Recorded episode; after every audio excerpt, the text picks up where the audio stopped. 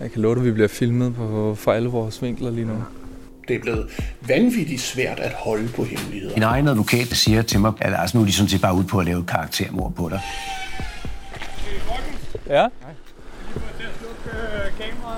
Vi har ikke kamera. Og så tog vi hjem i min lejlighed og sad der og scannede de her dokumenter ind, og så brændte vi dokumenterne ude i køkkenet.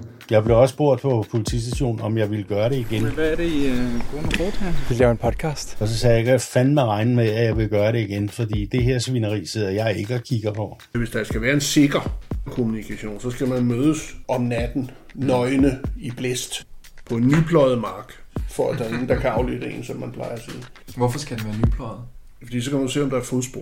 Altså, når vi nu har haft den her samtale, Ja. ja, det, det skal ikke med nogen steder. Nej, men det, det tror jeg, vi selv må bestemme, Okay. om vi må bruge det.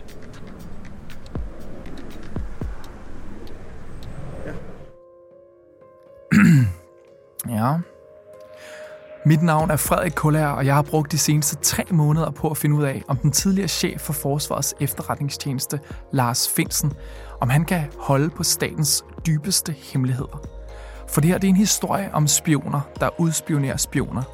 Om et opgør mellem nogle af landets mest magtfulde mennesker. Og så os journalister, der graver i noget, nogen virkelig ikke vil have, vi graver i.